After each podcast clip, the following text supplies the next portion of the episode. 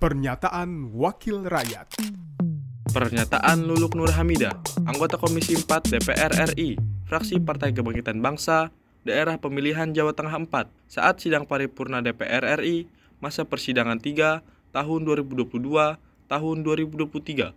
dan dua tahun juga waktu yang terlalu lama untuk menunggu agar RUU PPRT segera bisa masuk rapur dan ditetapkan sebagai undang rancangan undang-undang inisiatif DPR.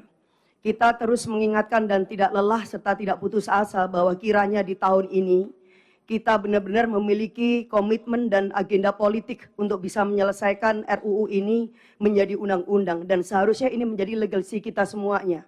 Harusnya ini menjadi warisan terbaik yang bisa kita tinggalkan selama periode ini, yaitu undang-undang yang memang memberikan pelindungan bagi sebagian rakyat Indonesia yang memiliki kerentanan, yang mereka bekerja di bawah tekanan eksploitasi perbudakan.